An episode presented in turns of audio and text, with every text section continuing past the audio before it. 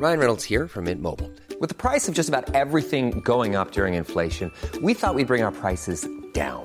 So to help us, we brought in a reverse auctioneer, which is apparently a thing. Mint Mobile unlimited premium wireless. Ready to get 30, 30, bit to get 30, bit to get 20, 20, 20, bit to get 20, 20, bit to get 15, 15, 15, 15 just 15 bucks a month. So, Give it a try at mintmobile.com slash switch. $45 upfront for three months plus taxes and fees. Promo for new customers for limited time. Unlimited more than 40 gigabytes per month. Slows. Full terms at mintmobile.com.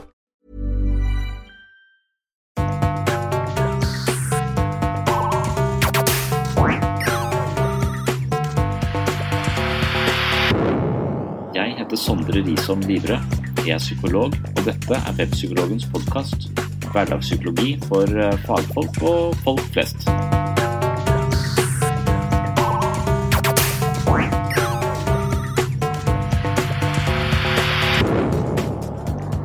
Velkommen til episode åtte. Temaet i dag er forsvarsmekanismer.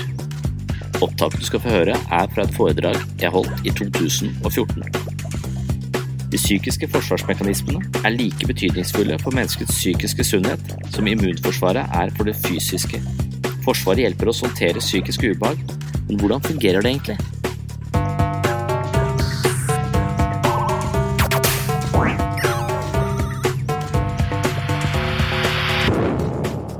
Men da, eh, psykisk eh, eh, forsvar. Det er sånn at eh, eh, psyken, som jeg sa i stad, har et slags immunforsvar, akkurat som eh, eh, kroppen har sitt eh, immunforsvar. Eh, mens kroppen forsvarer oss mot bakterier og virus fra utsiden, og eventuelt noe sånn kreft og greier fra, fra innsiden, så er, så er det det psykiske forsvaret forsvarer oss mot eh, stressfaktorer som kommer utenfra, men også uh, følelser som kommer innenfra, som ligger over terskelverdien for det vi orker å ta inn over oss og, og, og se på. Um, så når man snakker om selvutvikling, så, uh, så, så handler uh, Sånn jeg ser på det, så vil selvutvikling handle om å føle mer. Og, så selvutvikling er ikke bare å bli gladere og få det bedre med seg selv. Det betyr egentlig mer sorg og mer glede.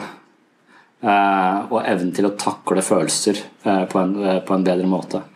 Så det handler om å orke å føle mer, egentlig, og ikke om å bare få det få bedre, eller ha, ha det bedre. Det handler om å tåle flere, flere følelser. Bade livet i flere nyanser, på sett og vis. Så Og da, da er det litt viktig å forstå litt mer av hvordan psyken har dette operativsystemet som, og, og, hvordan dette operativsystemet, hvordan dette egoet vårt forsvares i, i forskjellige sammenhenger.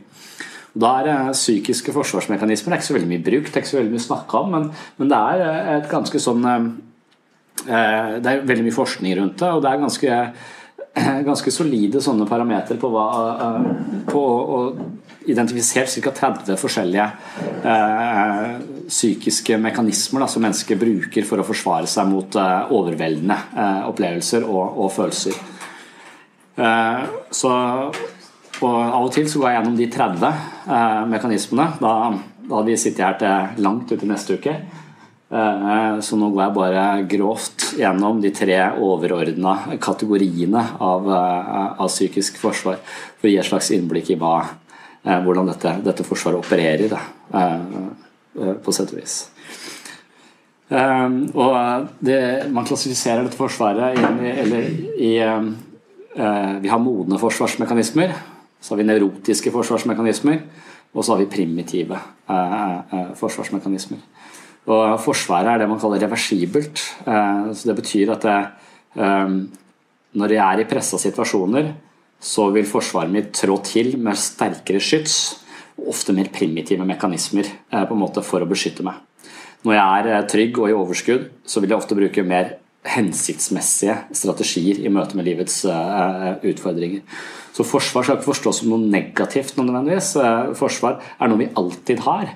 Det er litt sånn som at hvis vi Nei, jeg vil ikke ha noe psykisk forsvar, så jeg vil ikke ha noe immunforsvar. Det, det vil være en dårlig en dårlig idé. Vi trenger immunforsvaret for å, for hjelpe oss til å holde oss friske. Og sånn trenger vi også det psykiske immunforsvaret for å sørge for at vi er i en slags mental balanse. Så kommer det for sterke følelser inn, så forrykkes denne balansen, og vi kan på en måte gå psykologisk til grunne, eller følelsesmessig til grunne. og Det er det dette eh, Forsvaret hjelper oss, eh, hjelper oss, mot. Det opprettholder en slags stabilitet, da, men av og til på bekostning av realiteten. Eller vi må ofte forvrenge realiteten ganske mye for å opprettholde eh, denne stabiliteten. og Det er da det kan bli litt primitivt og litt keitete, det, vi, eh, det vi driver med. Så hvis man snakker om de modne forsvarsmekanismene først, da, eh, så, så de, de, som man eh, anser som mest hensiktsmessige og, og, og fine eh, og adaptive, som det heter, så, så kan man også se at selvutvikling vil være å undersøke seg selv i forhold til hvor mange nevrotiske og primitive strategier er det jeg opererer med, og i hvilke situasjoner oppstår de, og kan jeg muligens eh, adaptere noen av de mer modne strategiene for å få det bedre i, i livet mitt. Og det, det, tror jeg er mulig, og da tror jeg man må vite litt om hvordan er dette eh, eh, forsvarssystemet. Da. Og det, det modne systemet, det vi, det vi eh, er i, og det vi opererer på når vi fungerer best, eh, det, det er betyr at vi er mest mulig oppmerksomme på følelsene. Vi er mest mulig bevisst de følelsene som oppstår. Vi tar ansvar for dem, vi forstår dem og vi klarer å uttrykke dem. Uh, og Det kan være et kjennetegn på psykisk helse. Evnen til å tåle, forstå og uttrykke følelsene uh, sine.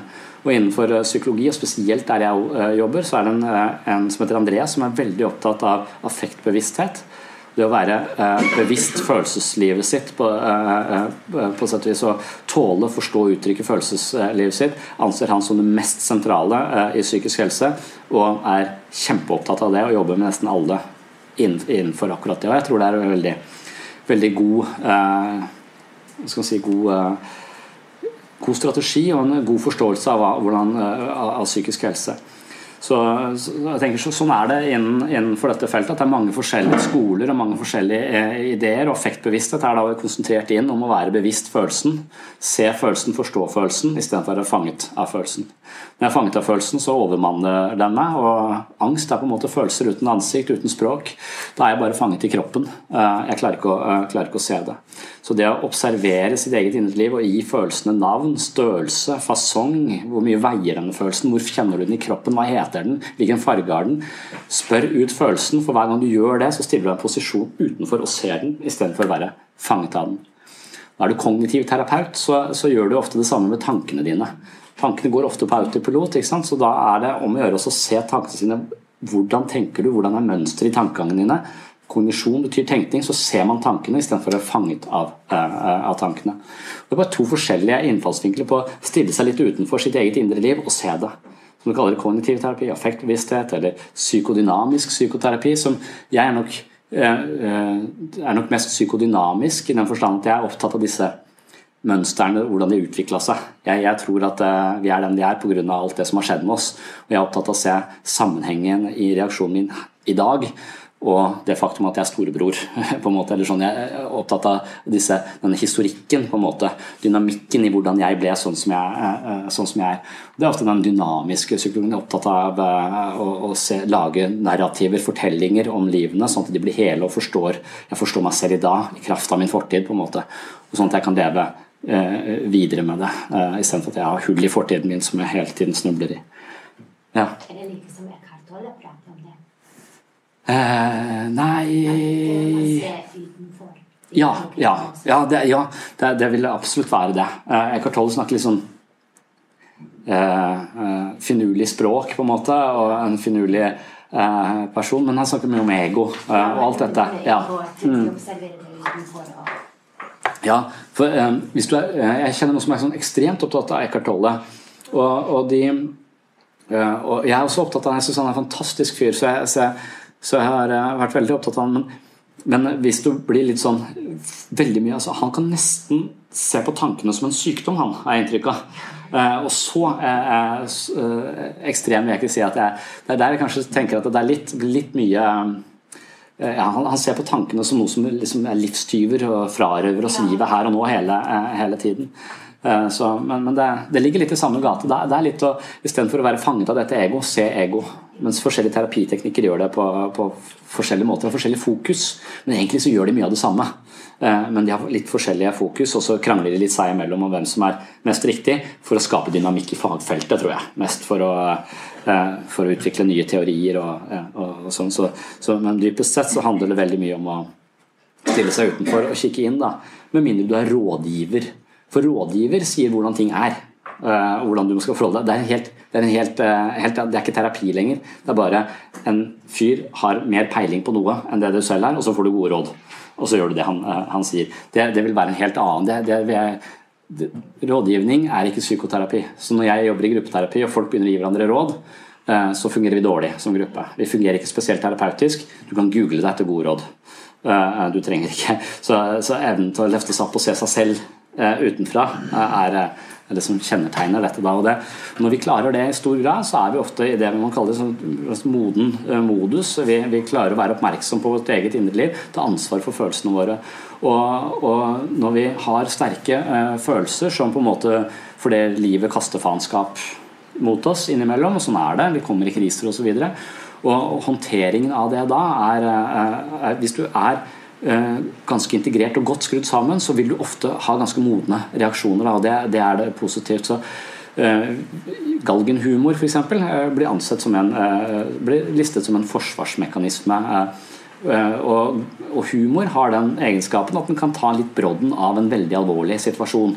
Som åpenbart er tung og vanskelig, men med en slags eh, humoristisk innfallsvinkel til det, eller sånn galgenhumor, kanskje man kaller det, så, så tar det litt brodden av denne voldsomme tyngden, som blir litt lettere å være i. da.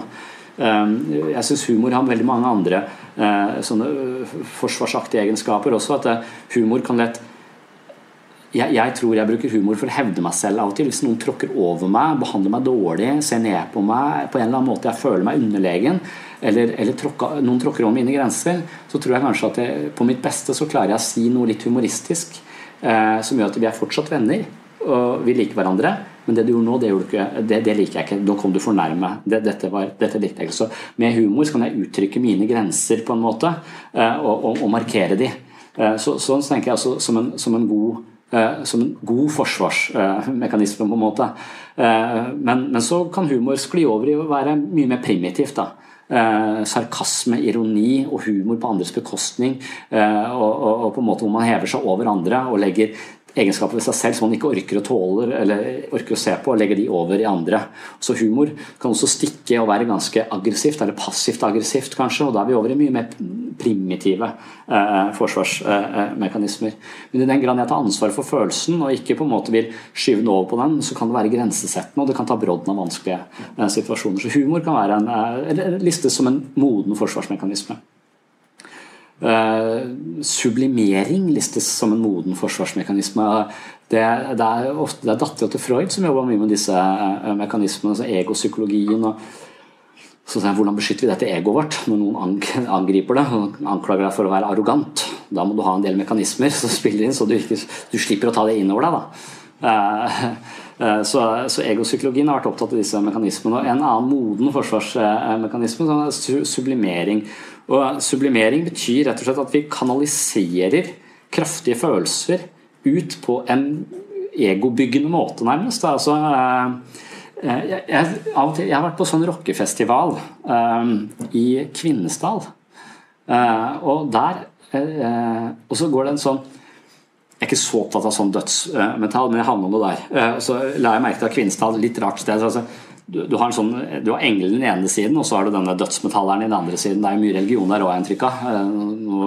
Så, så, så liksom, der var det himmel og helvete eh, på samme sted. Men ideen er eh, Og jeg har en fetter som, er, som spiller sånn dødsmetall, er veldig flink til det og, og når langt. men Eh, også, ideen er at De som spiller denne voldsomme musikken, er så snille privat, sier de.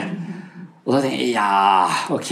Han står på scenen, hyler et eller annet med Satan, tygger blod så det renner ned i munnviken og er full av nagler. Hvor snill er han? Uh, på en måte. Jeg er skeptisk. Men det kan hende at det er noe i det. Altså for det de får når de har uttrykt kraftige følelser, er applaus. Og Det tror jeg kjennetegner psykisk modent forsvar. At vi klarer å kanalisere kraftige følelser ut på en måte som ikke skaper uvennskap eller eh, ødelegger relasjoner med andre mennesker, men snarere opprettholder relasjonen. De får faktisk applaus for det de driver med. Og kanskje de gir andres sinne også et ansikt, andres kraftige, eh, sterke følelser, et språk, et uttrykk som vi kan relatere oss til, sånn at vi får heia og sunget og vært i dette, så vi slipper å utagere på julebordet som er greia vi, driver når vi undertrykker eh, sinne. Og jeg tenker sånn at Musikk har eh, kunst altså er en måte sublimering det en, Jeg tror forfattere skriver for å uttrykke seg selv, og jeg tror at da får de en slags forløsning på en positiv eh, måte. Jeg tror kunstnere som maler et veldig kraftig maleri, bruker sin egen følelse, gir det et, et ansikt, og så får de Oi! Så flott det var også. Det de gir gjenklang i andre. De får et positivt uttrykk som de også kan dele, eh, dele, med andre. og Det tror jeg ligger i sublimering eller kanalisering av følelser på en konstruktiv måte. Og jeg tenker litt at Når jeg møter mennesker som sliter, eh, har depresjon eller angst, eller noe, så, så vil jeg alltid lure litt på har du noen sånne, Er du kreativ på en måte? Har du noen prosjekter? Er det et eller annet du er interessert i? Tegner du, maler du? Strikker du, for den saks skyld? Altså, har du en eller annen måte å, å Har du et kreativt uttrykk? Og jeg mener selv at eh, den, hvis man har eh, sånne kreative egenskaper eller noe man har vært opptatt av, man trenger ikke være flink til det, men noe man, eh, noe man, kan brenne for, men når man er deprimert ikke gjør, så vil det være litt sånn god prognose. Hvis du har et eller annet sånn uh, uttrykksfullt. Uh, så, så, det tenker jeg det listes da som en moden uh, forsvarsmekanisme, altså skrik, på en måte. Det er kraftige følelser. Og kanskje derfor det er så populært, fordi det nettopp er en gestalt av veldig sterke, sterke følelser. Eh, så det, er en moden, eh, moden forsvarsmekanisme. Eh, det andre mekanismer. kalles, noen kalles antipis, nei, sånn, rett og slett bare å forberede seg. Antisipere, tror jeg, tror jeg den heter. Altså det å, det å vite at du skal i en følelsesmessig vanskelig situasjon på sikt og, begynne å tenke gjennom hvordan du vil reagere der, og prøve å koble tankene til følelsene. Hvordan vil jeg komme til å føle det i denne begravelsen osv. Planlegge. Eh, forberede seg er rett og slett lurt. Forberede seg følelsesmessig på hvordan jeg kommer til å eh, reagere i, eh, i den situasjonen jeg skal, skal inn i. Så det handler egentlig hele tiden om å være bevisst sitt eget følelsesliv og håndtere det på uten å måtte fortrenge følelsene eller avskrive seg ansvar for følelsene. For det er med en gang vi fortrenger følelsene, at vi beveger oss over i det nevrotiske eh, eh, forsvaret. Eh, så nevrotikeren eh, Det kommer en angstprovoserende følelse, tanke, impuls, eh, som ligger over terskelverdien, virker overfor det vi kan tåle, eller virker sosialt uakseptabel, eller sånn vil ikke jeg være, sånn, det tåler ikke mitt ego. Nei, arrogant er jeg i hvert fall ikke. Eh, så må den avskrives. Det er ikke jeg som er arrogant, det er de andre i den gruppa som var arrogante. Så, så det er ikke jeg som er sint, det er du. du som er sint. Det er mekanismene der. Så følelser er på en måte noe som vi tar mer eller mindre ansvar for. Og når vi ikke tar ansvar for eget følelsesliv, så siver det ut. Vi, det på en eller annen måte Enten så undertrykker vi det, eller så legger vi det ut på andre, andre folk. Så Og jeg er vel Jeg personlig er veldig Jeg tror jeg er, er Eh, jeg er veldig nevrotisk eh, anlagt. Eh, jeg tror det gjelder det med, med, mange. Jeg er på, på, jobb, og så kommer sjefen inn på kontoret mitt og sier han at det, du sa i undervisninga i går, det er det kommet masse klager på.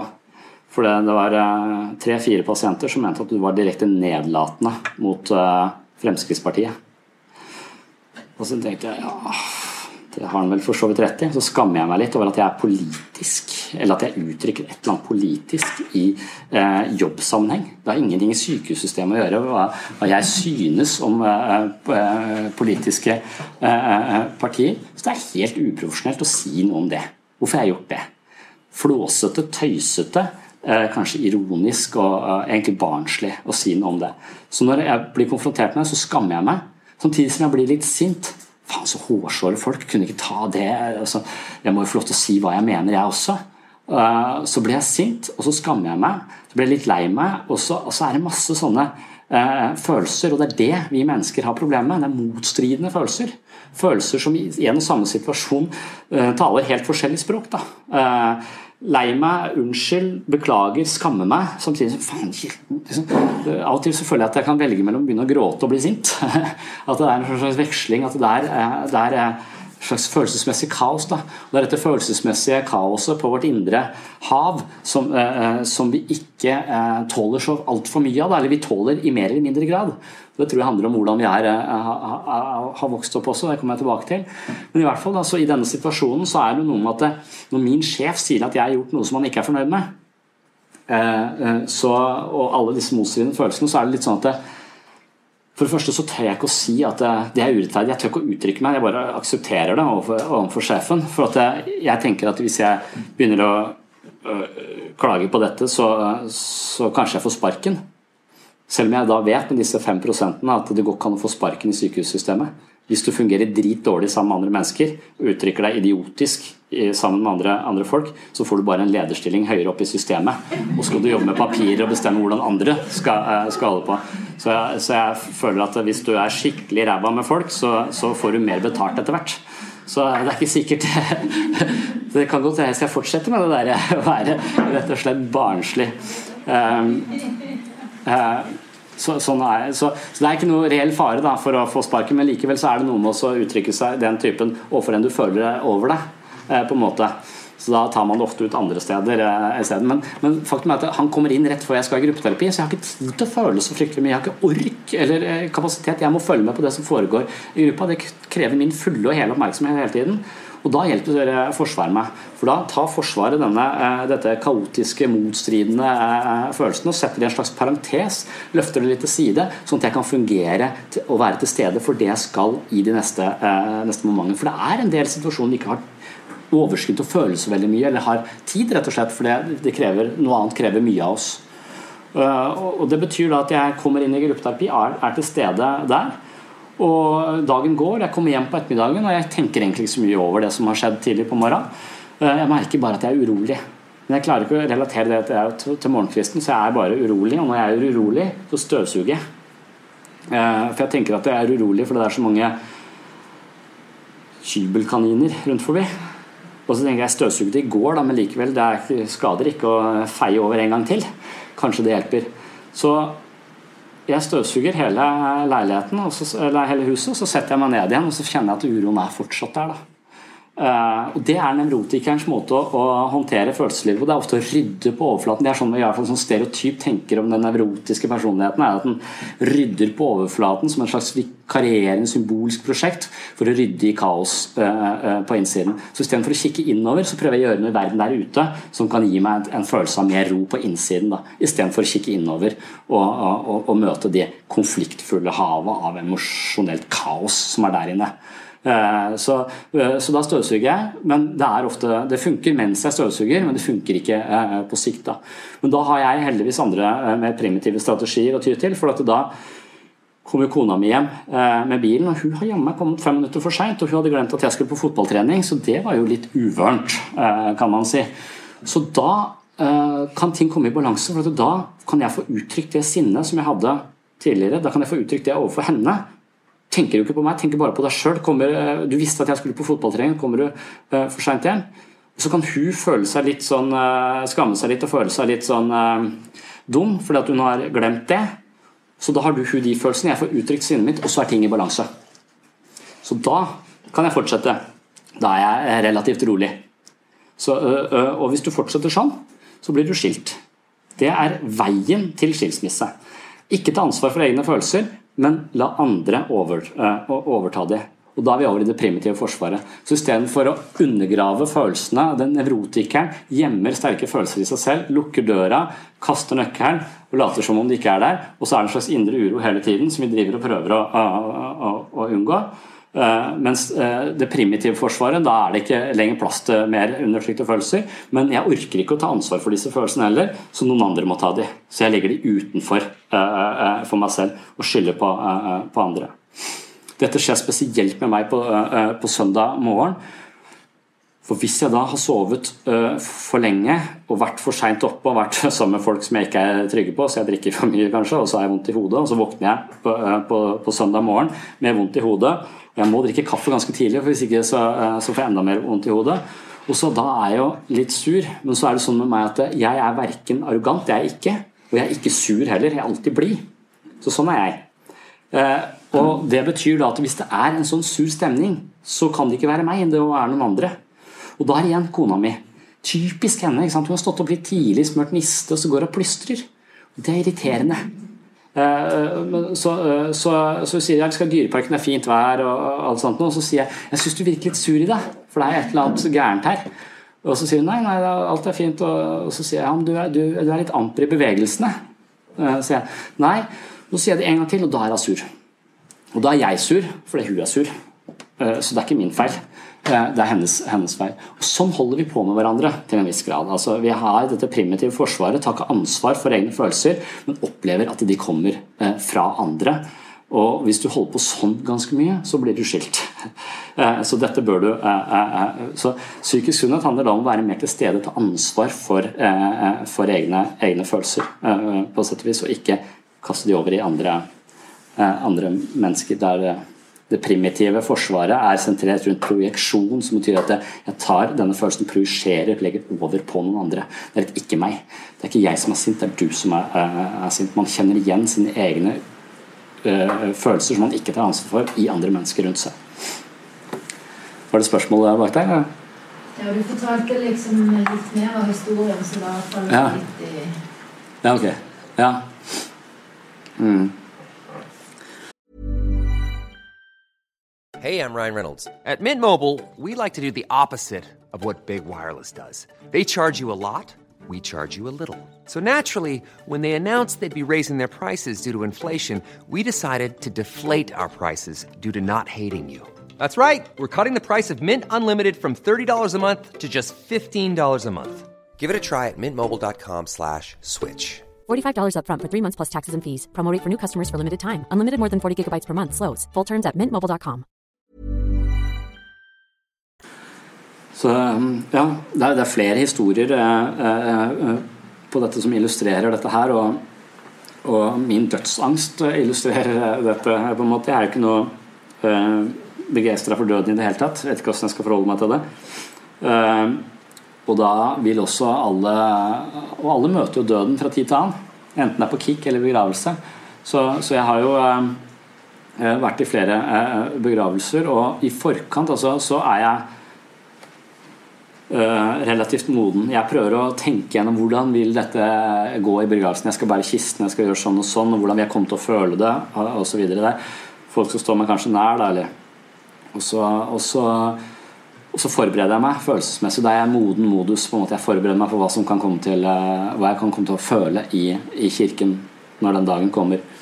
Men så kommer jeg i, i kirken, og så setter jeg meg, meg ned, og så er jeg ikke noe jeg blir stressa av kirke generelt sett, og så syns jeg det er så høyt under taket. Og så er det den der voldsomme musikken eh, som liksom fyller hele, hele, hele rommet. Så, eh, så, jeg klarer meg en stund, men så kommer denne musikken på, og jeg merker at jeg, at jeg er i ferd med å føle for mye. Jeg er i ferd med å begynne å gråte. Eh, og Det passer seg ikke, for jeg skal holde en tale, jeg skal bære kiste. Altså det, det, det, passer ikke å føle så eh, mye nå. Dessuten syns jeg det er flaut å gråte. Så det er jeg ikke interessert i. Um, og Da kan jeg bevisst gå inn for å prøve å føle mindre. Det vil være en, en, eh, også en ganske moden altså, uh, strategi. Hvis jeg bare da prøver å tenke på en, et eller annet helt nøytralt, tenke på en murstein for å prøve å komme seg ut av uh, de sterke følelsene, for å fungere i hodet og ikke være uh, fanget av alt dette, alle disse sterke, sterke, følelsene. Så kan jeg prøve febrilsk å tenke på, på, det en stund, men så kjører jeg en ny sang, og så, og så går ikke det heller. Og Da er det ofte det mer automatiske og ubevisste forsvaret slår inn, hvor jeg plutselig merker at oi, nå går det fint, nå føler jeg ikke så mye. Eh, og, og da, da, er det den mer ubevisste delen av Forsvaret som sier at nå, nå, kan, nå, setter vi parentes rundt denne følelsen, og så er du her, så fungerer du i tankene dine, men du kobler ut følelsene en stund her sånn. Det kalles isolering. Det er en egen forsvar. Isolere følelsen uh, i meg selv. Og da kan jeg bære kista, jeg kan holde tale, jeg kan snakke med folk, si kondolerer, og alt det man skal, uh, skal gjøre. Så jeg fungerer helt adekvat i, uh, i, i kirken. Og det, det, det, springende punktet her da er jo eh, og, og hvor mentalt sterk jeg eventuelt er og ikke er, eh, tror jeg handler mye om min oppvekst og hvordan jeg egentlig hva, hva er den kulturen på, hvordan, hvordan, er kulturen i vår familie på å håndtere følelser? Hva gjør vi med de? Eh, maler vi de? Skriver vi de? Snakker vi om de? Eller bare undertrykker vi de, feier de under teppet, eh, eh, som det heter. Det tror jeg er helt avgjørende hva slags, hva slags, hvordan vi er, på en måte er lært opp til å håndtere følelser. Er føl sterke følelser noe farlig, noe vi bør holde unna, unna livet, på en måte, eller prøve å unngå å være mest mulig alt er greit-type ting, som kanskje Sørlandet er litt kjent for, eller i hvert fall har en slags fordom på seg, at de undertrykker kraftige følelser og sier at alt er, alt er greit. Eller kommer jeg fra en familie som tør følelser, tør å møte de, tør å stirre de i hvitøyet på en måte og løfte de opp, sånn at de ikke plager oss uh, senere. Men hvis jeg da kommer fra en litt sånn feie følelsen under teppet-familie, så, så, vil det kanskje bety at jeg er i begravelsen, husker det som har skjedd, kjenner ikke så mye etter på hva jeg føler rundt det, og livet fortsetter. Farfar er død. Vi har begravd han, det var en fin seremoni. Jeg holdt tale, hilste på folk vi nesten aldri har sett før. Og så skal livet gå videre. Og så går livet videre. Og da sykler jeg til jobb som vanlig. Bor her borte. Sykler ned eh, fra Gimlekollen, og, og, så kommer jeg da til denne slake bakken opp på siden av, eh, av Oddernes kirke. Eh, og da får jeg hjerteinfarkt utenfor Åndenes kirke, i denne slake oppoverbakken. Det er jo litt uh, pussig, for jeg, er, jeg, driver jo og trener for å ikke dø, og ikke få nettopp hjerteinfarkt i altfor tidlig alder. Jeg spiser sunt og er kjempeopptatt av det. Og da når jeg merker denne, uh, at jeg må bare gå av sykkelen og, og, puste, og jeg kjenner hjertet slår som bare det, og det svimler og jeg, det sitter i fingrene mine, så, så, går jeg rett til fastlegen min og så tenker jeg du vet hva, nå har jammen meg dette, denne hjertepumpa er utslitt, og jeg er bare 35 år, og all den treninga er ingen nytte. Du sa det var bra å trene, du. Uh, heller, uh, og, så, og, så, sjekker jeg meg, og så finner ikke han uh, noe der. Og Så sykler jeg fortsatt. Ny kommer jeg opp denne slake bakken da, ved siden av Oddernes kirke, og så skjer det samme igjen. Da har jeg hatt nedoverbakke helt herfra, så det er første oppoverbakken kommer. Og så, og så rammes jeg den samme, samme greia, og da går jeg til fastlegen igjen og så sier jeg at nå har jeg fått kreft. For det er jeg ganske bekymra for. Kreft er noe jeg, jeg føler alle får kreft. Uh, og det bare venter jeg på at skal komme. på en måte, Så det er mitt uh, alternativ nummer to til kroppslig ubehag, er symptomer på kreft. Og så har jeg googla det, så jeg har funnet ut at det, det er overveiende sannsynlig at jeg har kreft på alle de symptomene. Litt svett om natta faktisk også. Når jeg, når jeg, så jeg har mange ting som passer inn i dette bildet. Internetthypokondri heter det. Eh, det en, bør bli en egen diagnose nå. Det å google symptomer og kjenne seg igjen, det er livsfarlig. Eh, eh, så, så, så det, det, skjer. Da. Men så sjekker han det også, så nei, du har ikke det heller, altså. Nei vel. Da er det denne forbanna oppoverbakken utenfor Oddernes kirke som er problemet. Og da sykler jeg rundt. Og så er jeg kvitt hele problemet. Da sykler jeg bare via, via bort på Esso. sykler bort, bort til stadion, opp Marviksbakken i rundingen, og så til jobb. Og da ingen hjerteinfarkt. Bruker en halv time ekstra eh, på sykling.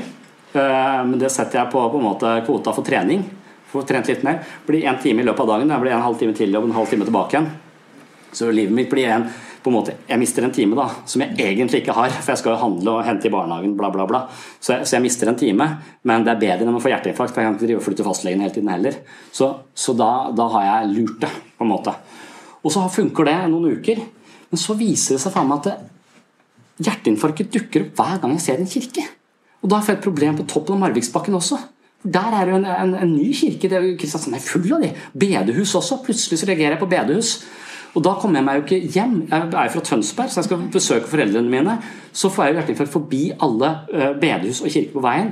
Og da bruker jeg ikke bare én time lenger til Tønsberg. Jeg bruker ni timer. Jeg må overnatte i Telemark for å komme meg til, uh, hjem uten å få hjerteinfarkt på veien. Og dette er på en måte angstens vesen. da. Det er sånn angsten spiser seg inn på livet vårt og frarøver oss stadig mer frihet fordi vi ikke konfronterer eh, eh, vårt indre liv. Og I mitt tilfelle, så, eller dette tilfellet jeg på en måte har konstruert her, så, så, vil det sannsynligvis være et eller annet med døden, et eller annet med mitt forhold til døden som jeg ikke orker å se på, men som jeg flykter ifra.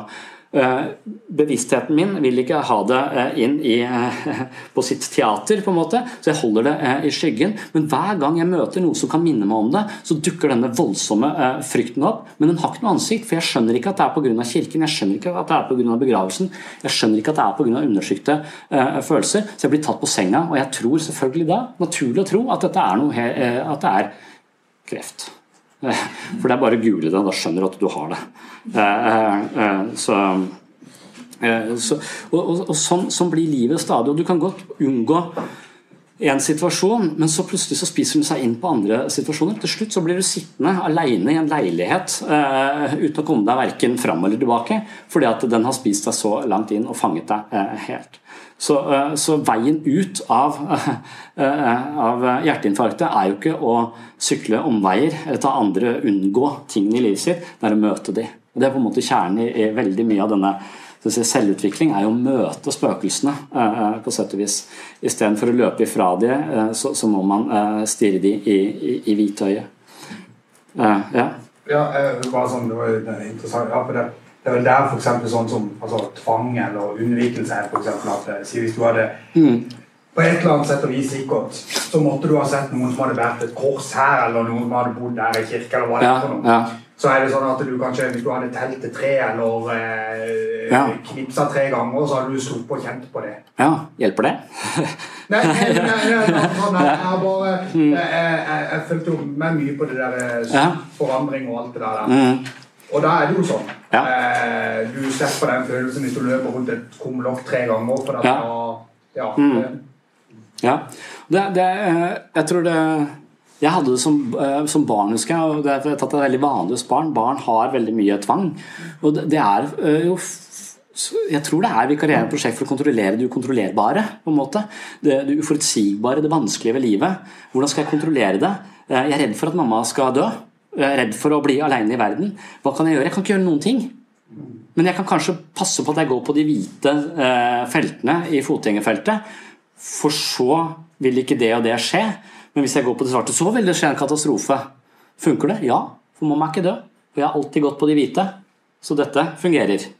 Eh, det, eh, det, er, det er, litt lite Effektivt. Ja, ja, du har litt mangel på metodelære eh, og, og evne til å forstå årsakssammenhenger. på en måte. Men det er veldig vanlig. Så jeg tror tvang også er en måte å distrahere seg selv på, eller gjøre noe for å på en måte få, få, få bukt med noe du egentlig ikke orker å konfrontere. Da. og se, se innover. Jeg tenker, I forhold til disse forsvarsmekanismene syns jeg virker som om disse folkeeventyrene har dette innbakt i seg. altså Det norske folkeeventyr som handler om troll. Jeg tror det handler om menneskets syke på sett og vis. For det er liksom så Eh, det er sånn affektbevissthet i, det. det. virker som om en by lever i angst og uro, går aldri ut om kvelden, går alltid to og to, eh, går aldri utenfor bygrensa. Og så går Espen Askelaten, som er sånn naiv og blåøyd, han går liksom bare ut og tenker at det, dette trollet som alle snakker om, som alle er redd for Ingen har egentlig sett det, men de vet at det bor ute i skogen. Jeg tror jeg må møte det og finne ut av hva dette er for noe. Det, det er på en måte vågalt. Man blir sett på som litt dum også. Eh, ofte, eller litt sånn eh, naiv, men så blir han jo og Det som da skjer, er jo Disse eventyrene har ofte forskjellige eh, avslutninger, men enten så kommer trollet Han lurer trollet ut i lyset, og så eksploderer det. Eller rumleskaft. Hvis du finner navnet hans, så eksploderer han, eller slutter å være farlig. da han slutter å være truende hvis du finner navnet på, på, på trollet. I noen eventyr er trollet bare misforstått. At det er bare stygt å se på, men egentlig ensomt. Og, og, og, så, så, så, uansett hvilken slutt man har, så virker det som om når man konfronterer det, og det kommer ut i lyset, så vil eh, den destruktive styrken det har hatt på folk, avta. Trollet eh, eksploderer. Og sånn er det, tenker jeg litt med Sånn sier jo Per Fugli eh, at det er med døden også, at vi må våge å stirre døden i hvitøyet. Men jeg er ikke så tøff at jeg tør å gå ut i skogen og stirre døden i hvitøyet foreløpig. Så jeg inntil videre så bare undersøker jeg hvordan Per Fugli har gjort det der. Uh, og Det interesserer meg. Det er en del sånne eksistensielle grunndilemmaer som det er vanskelig for oss å, å, å møte.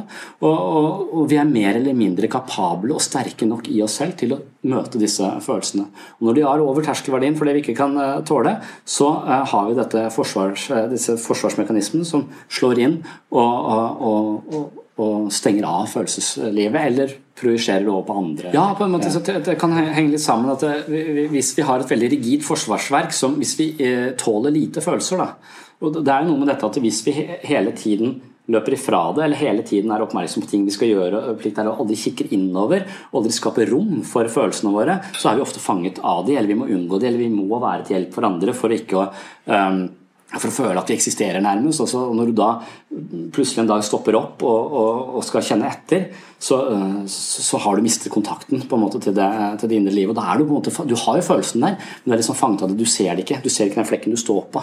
Uh, på sett og vis. Og De følelsene vi ikke tåler, de følelsene vi ikke kan sette ord på, ta innover oss, de blir ofte til symptomer. Og Om det da er symptomer på kroppslig smerte, eller om det er symptomer på angst eller tvang, eller eller det, hvordan det kommer til uttrykk, det tror jeg er veldig individuelt. Også og så kanskje litt tilfeldig, eh, eh, på en måte. En siste, en siste historie for å illustrere disse forsvarsmekanismene er Jeg var i en Jeg jobba i ABUP en stund, og der jobba jeg sånn da var jeg sånn Jeg følte selv jeg var sånn cowboypsykolog. Jeg driver og dro hjem til folk. Jeg syns det var ekstremt ubehagelig. Jeg liker ikke å dra hjem til folk jeg ikke kjenner. Ehm, jeg liker å være på kontoret mitt, og der, der føler jeg meg tryggest. Men, men, her jobber man jo med barn, og barn har familier. Og det er veldig sjelden at, man, eh, at eh, et problem er forankra i barnet. Det er ofte i miljøet rundt eh, som har påvirket barn til å bli ofte symptombærer, eller hva det skal, skal være. Da. Så det er så mange, kom så mange forskjellige Eh, problemstillinger der. Og ofte så visste jeg ikke hva jeg skulle gjøre, for det er barn. Jeg vet ikke, jeg er nok best med voksne. Jeg, så, jeg tror ikke jeg er så veldig omsorgsfull. Så jeg, så jeg tror at jeg er best, eh, best i gruppeterapi med, med, voksne som kan ta ansvar for seg selv. Men jeg hjelper dem til å se på seg selv, kan utfordre dem. Men det å ta vare på folk eh, og være omsorgsfull, det er også en veldig viktig del av, av utvikle en terapi, du må være trygg nok til å våge å se på deg selv. Så Man må støtte og forstå folk, samtidig som man må bokse de nyrene. Det er på en sånn Rollen som terapeut handler om å trygge og utfordre. Og Er man flink til blandingen av det, så, så er man en god terapeut, tror jeg. Og, man, og, jeg er for flink til å bokse da, og for dårlig til å støttes. Derfor så jobber jeg i gruppe, for gruppa tar ofte vare på, uh, på hverandre. Men, men uh, så, så, da kan jeg være litt mer den som bokser. Men, men når jeg jobber med barn, så, så tenker jeg de de, trenger, de, kan, de, er ikke gamle nok til å ta ansvar eh, for seg selv. Da må jeg være på en helt annen, eh, en helt annen måte. Og Det krevde så mye av meg, særlig fordi jeg kom på en sånn avdeling hvor de og de gjorde alt mulig. De kjørte rundt. og Det kom en sånn søknad, det er en fyr i Mandal som ikke vil gå på skolen. Så kan du reise hjem til han og få han opp om morgenen. Det faen, Jeg får ikke mine egne barn opp om morgenen. Jeg kan jo ikke reise til Mandal og få opp en fyr jeg ikke kjenner. Jeg har akkurat det samme problemet hjemme. Kan de fra Mandal komme til meg og prøve å få opp de? Det er jo helt uh, Dette her dette her kan jo ikke jeg. Og mange sånne ting måtte jeg, måtte jeg gjøre. Og igjen, eh, fordeling som ikke er sann, men som, er, eh, som jeg vrenger på sånn at ingen kan kjenne. Men, men det var en fyr som øh, gjorde fra seg på gulvet. Og det tenkte jeg da må han ha bleie. Og så, ja, men han er 14 år. 14 år, Da, da syns jeg det var uh, spesielt. Dette er, dette er litt, litt snodig. Ja, Sondre, da reiser du hjem til han. Sier du det? Og da skal jeg hjem til eh, familien til han som gjør fra seg på gulvet. Og jeg kjører av sted. Bruker veldig mye tid i bil også det året. Eh, og så, så jeg, kommer jeg hjem da, til, denne, til, dette huset. Flott hus. Eh, banker på. Eh, foreldrene åpner. Sier 'vær så god, kom inn'. Så går jeg inn. Og så går jeg ut igjen. For jeg føler at jeg må ta av meg skoa på utsida av huset. Uh, og så, og det, det, jeg tenkte ikke over det, det bare skjedde helt på impuls. Jeg gikk inn, og så rygga jeg ut igjen for å ta av meg skoa, for så å gå inn. Og Det pleier ikke jeg å gjøre. Jeg pleier å ta av meg skoa i gangen til folk. Uh, og jeg liker at folk tar av seg skoa i gangen min også. Jeg liker ikke folk som går inn med sko. Da blir, og så tør jeg ikke å si det heller, så da blir jeg sånn sur og inneslutta hele tida mens de er der. Uh, når de vasser rundt uh, med sko. Hvorfor tok ikke du av deg skoa i, i, i gangen? Det hadde letta. Da, da kunne vi på en måte jeg hører ikke hva de sier. Du går inne med sko. Jeg skjønner ikke hvorfor du driver med det. Det irriterer meg. Jeg liker at folk tar av seg skoa i, eh, i, gangen. Sånn er jeg skrudd sammen. Og jeg pleier å gjøre det sjøl også. Men i denne familien så går jeg ut. Og så tar jeg meg sko, og så går jeg inn igjen. Så blir jeg vist opp. da. Og det er så flott og fint der. Det er så ordentlig overalt. Og jeg kommer opp eh, i sofaen. Mor, far, velkledd. Eh, eh sønn, eh, ikke velkledd eh, sikkerhetsnåler gjennom eh, eh kinnet. Eh, og eh, nagler overalt. og så ser han litt sånn sur og mutt ut, vil jeg si. Og han tenker han passer jo ikke inn her. Han passer jo ikke til sofaen, han passer ikke til interiøret dere har her. Han passer ikke inn. Og i tillegg så gjør han fra seg på gulvet. Og Jeg får servert kaffe, og jeg får en sånn brikke som kaffen skal stå på. skal sette kaffen oppå brikken. Så får jeg litt lyst til å ikke sette den på brikken. Jeg vet ikke helt hvorfor, men Det er også en sånn impuls som bare plutselig kommer til meg. Jeg har lyst til å sette kaffekoppen utenfor brikken. Eh, og så gjør jeg det. Og når jeg drikker kaffe, så må jeg ofte på do. Og så tjener jeg med å tisse, og så får jeg faen meg lyst til å tisse på gulvet òg. Så, så, ser jeg på han der Hva er det som skjer her, da? Jeg får jo det samme impulset som du åpenbart handler på. Men jeg, har, jeg går på do, eh, til forskjell fra deg. Men hvis jeg hadde bodd her lenge, så kan det være jeg også hadde gjort fra meg på gulvet. Jeg vet ikke helt hvorfor, men det er et eller annet her som gjør at jeg får en impuls mot å bryte dette sterile. Eh, på en måte, og Jeg setter kaffekommen da utafor og går på do. Når jeg kommer tilbake igjen, så er den satt på plass. Eh, heldigvis. Og hva er det som skjer? Hva er det i denne familien? Hva er symptomet? Eh, jeg, jeg, jeg, tenkte at Symptomet i denne familien det kan ta feil, men jeg tenkte at her er det et familiesystem som ikke snakker om følelser. Det er lav, dårlig følelsesmessig kommunikasjon her. Eh, og alt det følelsesmessige kaoset det skal ryddes vekk, det skal holdes på avstand. Og det er ikke noe rom for å, å uttrykke det.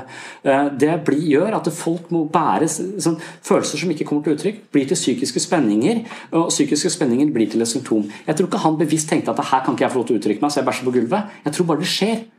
Akkurat som jeg bare fikk lyst til å gå ut og ta av meg skoene og tisse på gulvet, så, så, tror jeg bare det skjer. Det er en slags uh, atferd, en slags ubevisst uh, opposisjon mot et system som er trangt og ikke tolerant nok. Det er ikke nok følelsesmessig rom her til å være. Det er den nevrotiske familien som rydder vekk alle følelser. Og overrenslighet går ofte hånd i hånd med lite eller dårlig følelsesmessig uh, kommunikasjon. Og da sitter jeg med kaffen, han og alt. Hva skal du gjøre med dette her, da? Det er kjempe, eh, kjempevanskelig. Kan du presentere en teorien at eh, jeg tror han bæsjer på gulvet fordi det ikke er lov til å føle eh, i dette huset her. Og jeg får jammen meg lyst til å gjøre det samme. Jeg kan ikke si det. Så, så, så det, dette her er eh, utfordringer i barne- og ungdomspsykiatrien, hvor du skal inn i familier som i utgangspunktet ikke ønsker mer bevegelse på, land, eh, på vannet. De ønsker at problemet skal være der. Og når det er forankra der, det har ingenting med oss å gjøre. Det er sikkert en uh, hjernefeil eller en ADHD eller et eller annet som vi kan medisinere, sånn at vi slipper å se på oss selv eller gjøre noe med systemet. Og, det er en vanlig, Jeg vil også. Hvis jeg er syk, så vil jeg ha én tablett. Jeg vil ikke få foreskrevet liksom, at du må begynne å jogge hver dag og gjøre ditt og det. er så krevende. Jeg vil ha enkle løsninger på vanskelige problemer. Det vil ofte eh, vi mennesker. Men så finnes det ingen eh, enkle, det eneste enkle løsningen på vanskelige problemer er narkotika. Det er enkle løsninger. Det løser de fleste vanskelige eh, eh, eh, eh problemer. For en periode. Men det, men, men, men det funker. Mm. Ja, jeg tror at alle, Det er vanskelig folks skyld her. Jeg tror, jeg tror, at alle har med seg dette. Det, det, er sånn jeg tenker Går psykiske problemer i arv? Ja, til, i hvert fall i sosial arv. tenker jeg sikkert I fysisk arv også. Men, men, det er veldig mye uh, kulturer. Selv fra land til land så er det store forskjeller. Møter folk fra andre, andre kulturer som sier at ja, jeg blei kastrert når jeg kom til uh, Kristiansand. For her uh, er det Eh, veldig lite eh, følelser. Jeg vet ikke hva folk føler, det gjør meg, for, eh, føler, det gjør meg forvirra. Jeg forstår ingen, ingenting. Men det er veldig orden her. Det er veldig, det er veldig ro. Det er veldig, så jeg, jeg, føler det er trygt her. Men, men, jeg føler det også litt sånn utrygt, for jeg ikke helt vet hva folk, folk føler. Der jeg kommer fra, i Polen, der føler alle mye. De uttrykker følelsene men Det er bare kaos overalt. Men det er litt tryggere, for jeg veit hva folk føler. Jeg veit hvor jeg har de hen. Eh, men vi får ikke gjort så mye. Sier de. Det blir bare rot, sa eh, Så vi har orden, men vi har kanskje litt lav eh, emosjonell toleranse, da, eller, eller kultur for å uttrykke det. Og så, sånn opplever jeg at flere andre kulturer snakker om Norge som litt sånn forknytt følelsesmessig. Da. Jeg vet ikke om det stemmer, men, men til en viss grad så tror jeg det stemmer. Jeg tror, jeg tror Familier har kulturer, land har kulturer, og vi kultiveres inn i den måten å være på som omgivelsene våre er. Og Hvis det ikke funker for oss, hvis det betyr at vi må bære våre egne psykiske spenninger i oss selv, og det blir til symptomer, så må vi vokse ut av familien vår. Det er det selvutvikling handler om. Å vokse ut av sin egen kultur, sin egen familie. Og det er dritvanskelig. Biologien, alt trekker deg opp til hit. Du får hjelp, du utvikler deg fra det ene trinnet til det andre til det tredje. Biologien bare kaster deg inn i nye utviklingstrinn. Kulturen drar deg opp til der kulturen er, og sånn, eh, og sånn, blir du voksen. Men hvis det ikke er godt nok, så er du on your own. Så kulturen fungerer som en magnet som drar oss opp eh, dit den er, eller familien. En magnet. Hvis du skal utvikle deg videre, så er det en magnet som drar deg tilbake igjen. Eh, så, så istedenfor å virke fasiliterende, så vil ofte kulturen din da være en motmagnet som gjør det vanskelig for deg å utvikle deg. Og For meg så er det tydelig når jeg møter, møter mennesker som sier at det, Det du trenger, er å orke å føle mer. Du må tåle å føle mer, uttrykke følelsene i mye større grad. Eh, og så, de, og så, funker det fint på kontoret mitt, og så går de hjem og gjør det hjemme. Og så sier dette familiesystemet har ikke bedt om flere følelser. Det, det, har jo hatt en ordning på at det her føler vi ikke, for da blir det orden. Uh, så, så, da sier de til vedkommende at det er ikke rart du går til psykolog, for du er klin gæren. Og for andre så blir du bare verre av å gå dit. Jeg syns du burde slutte. Uh, uh, så jeg er, ikke, jeg er ofte veldig upopulær hos folks familier. Og man sier hvis du går i gruppeterapi Jeg fikk høre når jeg skulle lære meg gruppeterapi, at hvis du går her i tre år, så kan det være at du kan beholde parforholdet ditt. Men hvis du går her i fem, her, fem år, så blir alle skilt. Eh, så, hvis du går lenge nok i psykoterapi, så blir du skilt. Eh, og Det er, det er liksom viktigheten at hvis du skal forandre deg, så kan det være at det noen ganger hjelper å forandre ett individ i en familie. Men ofte så vil det skape turbulens på hjemmebane. Det er ikke sikkert disse er med på, på forandringen. Og Hvis det ikke er det, så blir det, eh, så blir det vanskelig. Eh, og de har ikke bedt om dette, eh, dette, heller, og da vil de ofte trekke personen tilbake til der de er. Så det er viktig å inkludere alle. Det familieperspektivet må nesten inn hvis vi skal klare å For nettopp vi er sosiale vesener. Vi er ikke Vi lever ikke helt isolerte. Så når vi forandrer oss, så vil det få ringvirkninger. Det er viktig, viktig å tenke på. Så tror jeg vi skal snakke om mindfulness etter en liten pause.